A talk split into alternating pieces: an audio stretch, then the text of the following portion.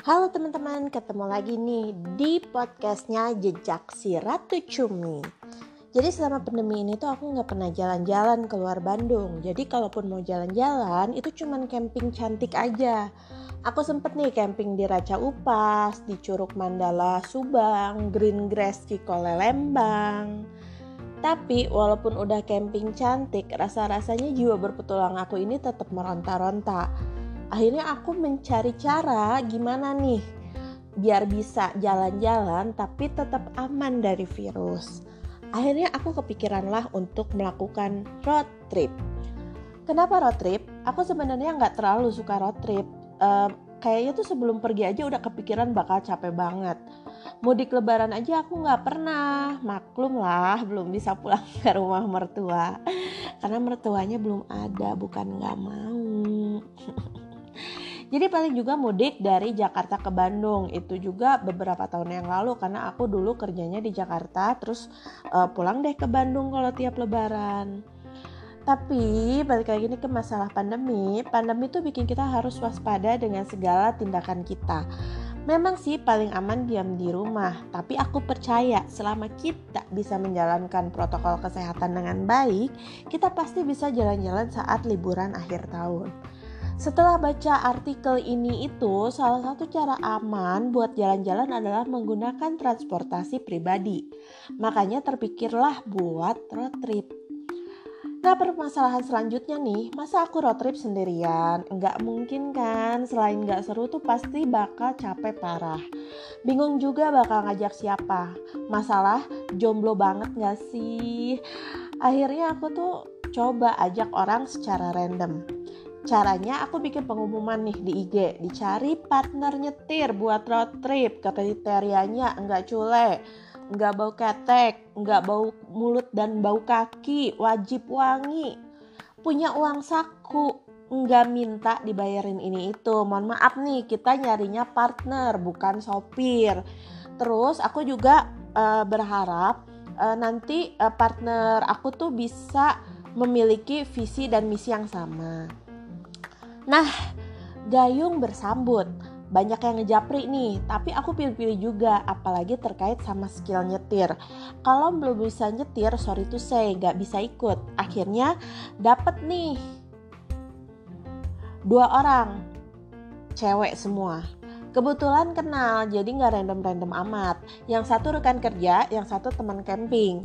Nah, ada sahabat aku juga mau ikut si Aisyah. Aku juga pingin sih dia ikut, tapi dia nggak bisa nyetir. Akhirnya dia tuh aku suruh les nyetir dulu sama bikin SIM, tapi dia nggak akan aku suruh nyetir, cuman buat jaga-jaga aja.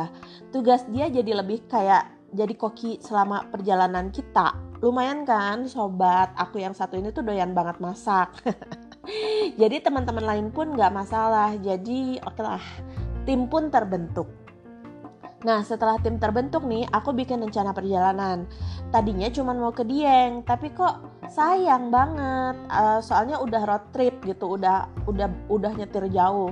Akhirnya dilaku, dilanjut nih rencananya dibikin sampai ke Jawa Timur Terus ke daerah-daerah yang uh, Terus kita tuh akan menyasar daerah yang uh, belum pernah aku datengin.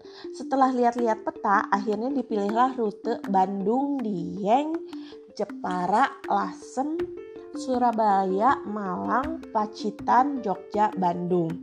Nah, setelah nentuin daerah nih, aku bikin itinerary pakai aplikasi Google Map. Aku tuh cari jarak dari satu kota ke kota lain berapa jauh dan estimasi waktunya berapa lama. Sambil memperkirakan nih, kira-kira bakal diam di daerah tersebut berapa lama. Penting banget menggunakan aspek nalar dan kreativitas, soalnya kita harus memperhitungkan jarak dan waktu, serta mengimajinasikan kira-kira bakal ngapain aja sih nanti di daerah tersebut. Karena aku lagi suka banget nih sama yang namanya camping, gara-gara belum bisa naik gunung. Akhirnya aku pilih beberapa daerah buat jadi lokasi camping. Ada di Dieng, ada di Malang, dan di Jogja. Perjalanan ini tuh kira-kira memakan waktu 10 hari. Setelah itinerary beres, aku bikin WhatsApp group buat teman-teman yang lain ada gambarannya. Uh, dan bisa atur jadwal sambil paralel booking penginapan. Pas booking-booking penginapan nih, aku dibantu sama si Aisyah. Kita cari-cari penginapan yang lucu, instagramable, nyaman, terus deket sama destinasi yang mau kita kunjungi. Dan tentu saja sesuai dengan budget. Satu penginapan budgetnya kalau bisa di bawah satu juta. Lama juga ya buat nyari-nyari penginapan kayak gini. Soalnya nyari yang sesuai kriteria. Sempet juga nih udah ada yang cocok tapi ternyata udah full book. Setelah itu kita cari-cari lagi perkiraan biaya tol dan biaya bensin. Kalau biaya tol gampang tinggal cari di internet. Nah, yang susah tuh biaya bensin. Kalau biaya bensin kita harus pakai perkiraan. Kita harus cari tahu nih performa mobil kita tuh uh, kayak gimana. Misalnya mobilku itu kan uh, Toyota Rush tahun 2019. Perkiraan bensinnya itu 12 km per liter dengan kecepatan rata-rata 22 km per jam. Ini kalau di dalam kota kita nggak ngebut-ngebut banget. Kalau kita ngebut kayak misalnya di jalan tol, kemungkinan akan akan menggunakan uh, bensin 16,4 km per liter dengan kecepatan rata-ratanya 90 km per jam. Udah dapat keterangan kayak gitu, kita tinggal lihat nih berapa jarak yang bakal kita tempuh. Nah, itu tuh bisa dilihat dari Google Map. Nanti jaraknya dibagi kapasitas bensin, hasilnya dikaliin sama harga bensin yang akan kita pakai. Selain perkiraan biaya penginapan, tol, hotel, bensin, kita juga memperkirakan biaya servis mobil, parkir, logistik untuk camping, dan makanan kelompok. Udah dapat perkiraan biaya dibagi empat, dapet deh satu orang harus patungan berapa. Nah, nanti uangnya disimpan di satu orang aja yang bertugas menjadi bendahara. Segara pengelolaan kelompok akan dibayar oleh sang bendahara biar nggak usah ribet ngitung-ngitung lagi nih pas lagi perjalanan. Dengan catatan si bendahara harus rajin mencatat pengeluaran. Kalau udah beres, cek ulang nih rencana perjalanannya. Apakah rute udah siap? Estimasi waktu udah ada, penginapan udah siap, estimasi biaya sudah ada, Uh, terus perlengkapan apa aja nih yang harus dibawa baik individu atau kelompok. Uh, terus kita juga harus tahu nih tempat-tempat apa aja yang mau dikunjungin dan menu makanan untuk camping. Jadi biar kita tahu nih harus belanja apa aja. Kita juga harus cari tahu apakah teman seberjalanan kita ini punya penyakit atau alergi, pantangan makanan, dan hal-hal yang suka bikin bete. Biar apa? Biar sebelum berangkat nih kita mengetahui gimana teman-teman seperjalanan kita.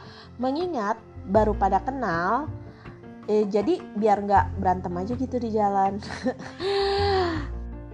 Dengan kita mengetahui apa yang teman-teman kita tidak suka, apa yang teman-teman kita suka, ini juga penting nih untuk bisa menentukan menentukan menu makanan. Rencananya nanti semua dibikin di Google Docs biar bisa diubah-ubah.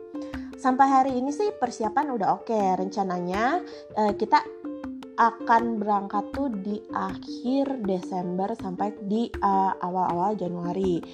Nanti setiap orang harus rapid test dulu tapi kemarin kan dengar-dengar keputusan pemerintah yang baru harus rapid tes antigen. Jadi kita akan melakukan uh, sesuai dengan kebijakan pemerintah aja kita akan tes uh, rapid antigen terlebih dahulu mengingat kita akan jalan-jalan di kala pandemi.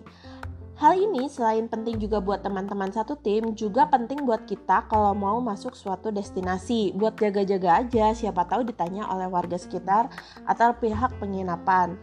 Nah, nanti H2 H-2 sebelum berangkat, kita akan kumpul juga nih buat beres-beres bagasi, belajar anatomi mobil yaitu dongkrak, segitiga pengaman dan ban serep terus juga tangki bensin, belajar bikin tenda, sama belajar logistik.